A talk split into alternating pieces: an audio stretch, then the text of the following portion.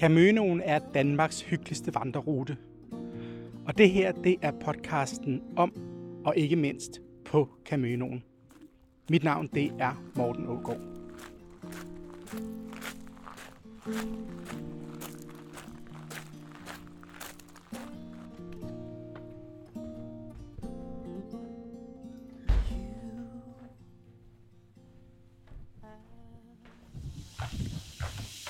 Hej. Jeg hedder Morten. Jeg hedder Lars. Velkommen. Hej, Lars. Kom indenfor. Kom ud. Skal jeg komme udenfor? Nej, jeg tænker bare, Hvad? jeg forstyrrer ikke midt i madlavningen, hva'? Nej, nej. Nej, vi, vi er på toppen. Selvom det er midt på dagen, så er skoven lige ved at vågne. Det har regnet en hel del her til morgen. Men nu er skyerne trukket væk, og fuglene er begyndt at komme frem. Når man går gennem Fanefjord skov, så kommer man på et tidspunkt til en lysning. Og lige der, midt i lysningen, der står en flagstang, og der vejer Dannebro. Og lige ved siden af ligger den røde og hvide skovpavillon. Fanefjord skovpavillon. Og her har folk mødtes og danset i over 100 år. Og lige her vil jeg gøre en pause. Altså, vi er formentlig Danmarks ældste tilbageværende skovpavillon. Der blev bygget rigtig mange af dem. Øh, I sin tid, de brændt. Øh, de er gået til rødder og så videre, så videre. Så vi er den sidste tilbageværende. Øh, den, vi, bygningerne er fra 1883, der blev det første hus bygget her. Og foran blev der lavet sådan et dansekul. Øh, og, øh, og så to år efter, der kom køkkenet på. Men signaturen på bygningen her foran, hvor vi sidder nu, verandaen kom på i 1905.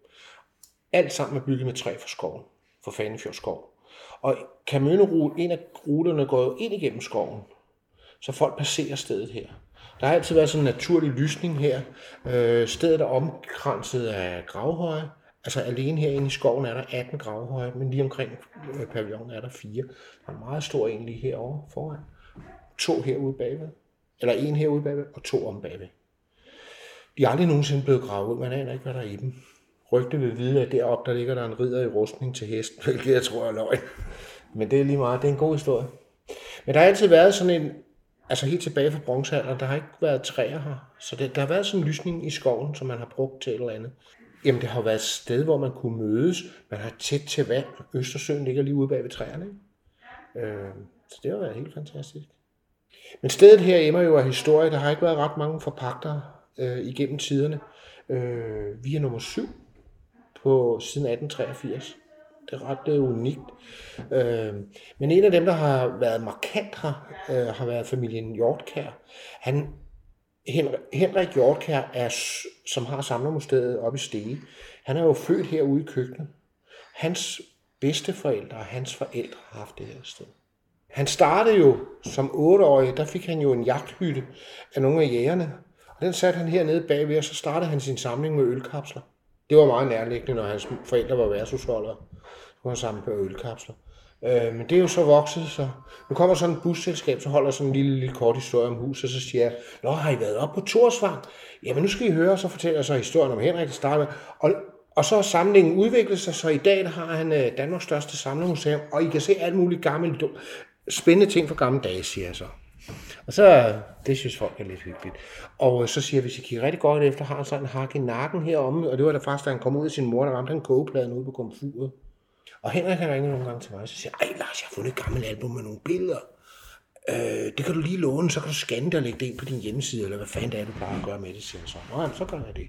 Og så har jeg så sådan et stort fotoalbum med hjem, at da vi kommer ud, så siger Gitte, jeg har set en dame gå ud på verandaen. Hold nu kæft, der er jo ikke et år. Jeg siger, så lad nu være med det pjat. Jamen, det, er- det er rigtigt. Og hun ser sådan og sådan ud. Jamen, lad nu være med det frøvl, siger jeg. Der går sgu da ikke nogen, der har lukket, og der er ikke et år her. Kommer jeg hjem med det her fotoalbum. Så siger jeg, ej, prøv at se, hvad jeg har lånt af Henrik, og der er nogle gamle billeder. Så giver der blader i det. Det er hende der, der går ud på verandaen. Det er Henriks farmor. Hun hedder Katrine Larsen. Og Gitte har set hende gå her flere gange. Øh, den eneste, altså de vil os ikke noget ondt. Øh, det eneste, jeg har været ude for, det er jo, som vi siger, hvad jeg fortalte Henrik om det, så siger han, det er farfar, der gør det der. Det er typisk ham. Vi har sådan nogle lamper, der står på bordene der. normalvis, ligesom du står dernede af. Og de sidder jo i en stikkontakt nede på væggen. Øh, og hvis vi skal tænde den, så tænder vi tænder du skal bare se, jeg tror, jeg går knap her. Hop, så er der tændt. Sådan, så er hele lortet tændt. Men vi har været ude for, at alle stikkene er pillet ud nede i væggen, og ledningsafbryderne er afbrudt, og pæren er skruet løs og ligger oven på fatningen, når vi kommer ned om morgenen. Og det er bare, altså, det er gas. øh, Hvis du, man skal aldrig kigge efter en pære, der er gået her, uden man har sikret sig at lave en fejlfinding først på ledning. Det er sådan en af de ting, vi oplever. Og så Henrik, han sagde, at det er typisk min far for at lave sådan noget. Det er sådan, at Fanefjord skov er jo en privatejet skov. Øh, den er på cirka 300 hektar. Øh, det var jo sådan, at den daværende konge i 1769, øh, han skulle føre krig mod Peter Sar den store i Tyskland, troede han, eller tænkte han. Og så begyndte han jo at sælge ud af arvesøl, og det var jo skovene, man solgte til godserne dengang. Så, så ude på Østmøn har vi jo, hvad hedder det, Klintholm, og, og, og Skavenus køb, hans forfædre har jo opkøbt skoven og alt klinteskov og alt det der, der er derude omkring. Men herude på Vestmøn har vi rent faktisk ikke noget gods. Det nærmeste det er Marienborg, der ligger heroppe, men det har ikke noget med det her at gøre. Så det er de omkringliggende gårde, der så stikker hovederne sammen med den daværende præst i spidsen. Øh, og de beslutter sig så at opkøbe skoven af kongen. Og der bliver stillet en kaution og noget forskelligt for pengene. Og de opkøber så skoven i 1769. Og så det er en privatejet skov, men man kan ikke gå ud og sige, jeg ejer det her løjet i skoven. Øh, Det er et fælles eje. Der er selvfølgelig en, der er lidt finere end alle de andre, og det er jo den siddende præst, eller den her præst, som har et lod hernede bagved. Øh, han, for han vil jo ikke være sammen med bønderne. Men øh, er du øh, ejer af skoven og bosiddende i sognet, har du faktisk lov til at gå på jagt her, efter nogle forskellige regler, og selvfølgelig skal du have jagttegn og sådan noget. Fortrinsvis bøgetræer, de højeste er 35 meter høje her i skoven. Så det er nogenlunde som rundtårn, og så er der ahorn, og den passer lidt sig selv, og de driver almindelig altså skovdrift her. Skoven er ejet af 170 anparter, og der har man en bestyrelse, som ligesom varetager interesserne for skovejerne.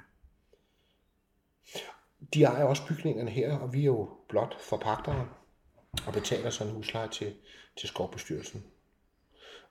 Og i bund og grund har de kun en ambition om, at tingene skal gå ud i et nul, så det ikke øh, skal have penge op og lommen. Det er lidt sjovt med de skovparter. De er jo... Øh, det er jo sådan så, hvis nu Bjarne, som kørte forbi der, han har jo nogle børn, så den dag han falder væk, så bliver hans hele parter delt ud til børnene. Så nogle gange så slår de dem sammen igen, så der findes halve og kvarte øh, skovparter også. Det er meget særpræget måde at eje det på. Skoven i Bogø, den er nøjagtig på samme måde som det her. Og der er et sted mere i Danmark. Men ruten, som de går ind igennem, Camøno-folket, de, går jo, de kommer jo typisk over Bogø, men de kommer så med færgen typisk, eller også kommer de ned fra havnen i, i Hårbøl. Så ruten går så her ind igennem, og det, noget af det første, de placerer, når de kommer herind igennem, det er faktisk Storkeegen. De er 400 år gammelt. Det passerer de, når de kommer igennem. Ja, vi har faktisk lavet sådan en tavle med de historier, der er omkring Storken. Der findes to skrøner om den, og har foræret skoven. Men ham, der skulle sætte den op, var sådan lidt uheldig med sine fingre og fik den i saven. Øh, ikke på grund af skiltet, men noget andet. Så det er ikke kommet op endnu, men fordi der er rigtig mange, der kommer og spørger om den storke. Den er 400 år gammel og har ikke nogen krone. Og hvorfor hedder den storke? Det er der jo mange historier om. Men en af historierne er, at der skulle have været en gravid kone, som fødte under det egetræ for mange, mange år siden. Der er også en anden historie, og det er, at der storkepar, der rent faktisk slog sig ned og byggede rede derom. Men, øh, og det var så i det forrige århundrede. Der er faktisk fødeemner, masser af fødeemner for storker her i skoven, for det er fyldt med frøer og alt muligt. Jeg synes også, jeg skylder at sige, at det er et, altså stedet er jo tænkt også som et lokalt samlingspunkt. Deroppe på højen er der jo rejst en sten, og den er rejst i, altså til minde om, om ham præsten, der var ildsjælen bag opkøbet. Og den bliver så rejst 100 år efter opkøbet, altså i 1869 øh, præsten, han var forgangsmand for det her opkøb, og, og på det tidspunkt, øh, der var der jo ikke bygget noget her, men var fortsat sådan en åben plads, og der mødtes der flere hundrede mennesker, har sådan samlet og fejret den her 100-årsdag, og der har været musik og alt muligt, men der, der, har, der er rigtig meget historie. Det var sådan i gamle dage, der var der jo pinse, altså pinse lørdag, der var der et kæmpe stort bal her. Altså, og der var det jo dem, der havde øh, virksomheden her, hvis man kan sige det sådan. De gik ikke i seng, for der var tradition for, at man pinse morgen, når solen stod op, så kunne du få morgenmad. Og den tradition har vi sådan set stadigvæk. Bare bortset fra, at tiden ikke er til det der kæmpe store pinsebal mere. Så vi har kun morgenmaden. Vi har jo op mod 150 mennesker pinse morgen, der kommer og spiser morgenmad her, ser pinsesolen danse, og så tager de jo ud på møen og ser et eller andet.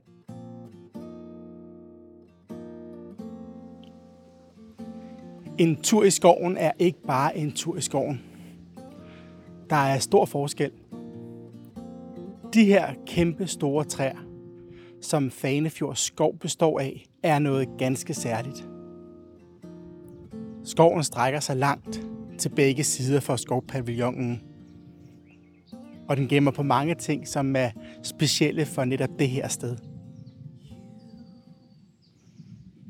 Det er det, som jeg også siger, det, der, der er forskel på, hvilke ruter du går. Den her rute, den går jo ind igennem skoven, og så går den jo ud, og så kan du gå langs vandet. Øh, det, det er ganske altså, betagende udsigt. Der er jo, hernede ved vandet er der jo, der er jo to ting dernede. Den ene ting, det er jo, der er en mini klint dernede, hvor, hvor, hvor du har kalkformationerne stående op. Og hvis du går ned ad stranden, så kan det, det er jo en tiende del af klinten, men du får den fornemmelse stadigvæk, som du går under Møns Klint. Og så er der det, det der hedder strandskoven dernede. Det er helt nøgne bøgetræer, hvor der kun er stammen, der går op, og så er kronen på. Og så har du det der view igennem, det, det er ligesom et Mikado-spil, og så kan du se ud over Østersøen. Det er helt fantastisk. Jeg har ikke set det nogen steder øh, i landet på den måde. Og før strandskoven, så kommer luselejet. Og det var jo, der går jo et par historier om, hvorfor det hedder luselejet. Altså den ene historie, det var jo, at, at det var faktisk på polakker, der kom hertil, hvor man aflusede dem for mange, mange, mange, mange år siden. Men, men det, er, det er også et gammelt fiskerleje, at man lusede både ud. Hvis du går så lidt forbi Strandskoven, så ligger der faktisk en af de sidste tilbageværende, før det der lille bitte sommerhus, som bliver brugt meget turisthaløjer her på øen. Der ligger et mini, mini, mini, mini sommerhus lige ud til vandet. Lige før det, der ligger der faktisk en gammel fisker, hytte, eller hvad man skal sige. Nu er der jo helårsbeboelse, det er renoveret, og det er rigtig fint. Men hende, der bor derude, hendes far, han var kystfisker.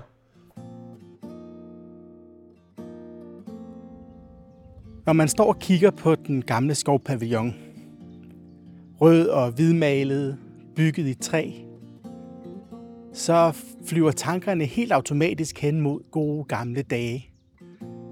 Der har været holdt nogle store og fantastiske fester her – her har spillemændene spillet op til dans, og bønderkalene har svinget de unge piger rundt i valsen.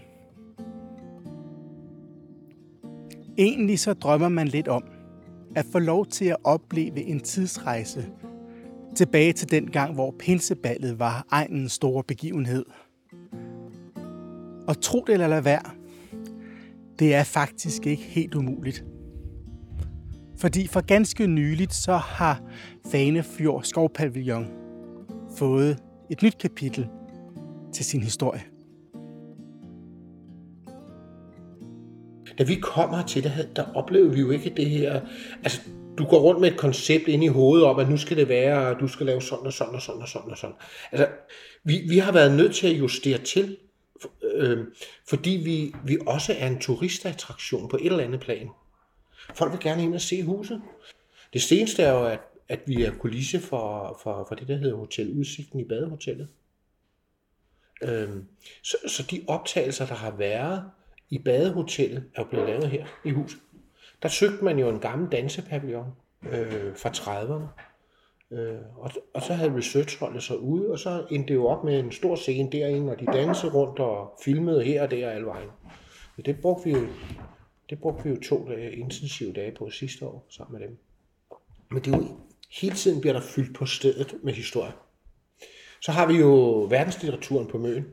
Det er jo deres faste tilholdssted, det er her. Så og det er jo en hel weekend i september. Typisk så kommer der en eller anden øh, hotshot-forfatter, verdensberømt forfatter, og øh, vedkommende forfatter interviewer man og stiller spørgsmål op imod han, de bøger, der er blevet lavet og sådan noget. Günther Grass har været sidste Røjsen og ham David Grossmann, en venstreorienteret jødisk forfatter, som... Jamen, der var det, det var, der stod tingene sådan i skærende kontrast, fordi så meldte den israelske ambassadør sin ankomst.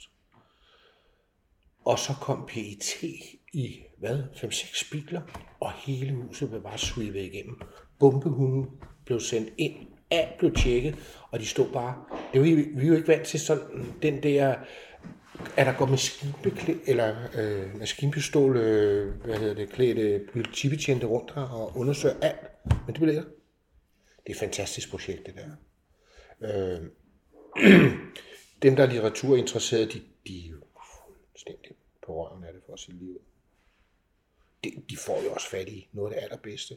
I år har vi så, hun, hun hedder Judith eller andet, som jeg ikke kan huske, er tysker. Øh, men det er en dansker, der tegner forsiden til hendes bøger, der hedder Ina Christensen, og hende kender jeg periferisk fra noget andet. Så øh, hende har jeg selvfølgelig så har sagt, hvad Ina, har du ikke lyst til at udstille dine billeder? Hun er jo kunstner, billedkunstner.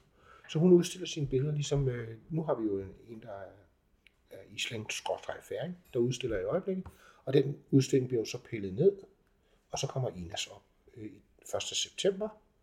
Folk kan købe det, folk komme se det.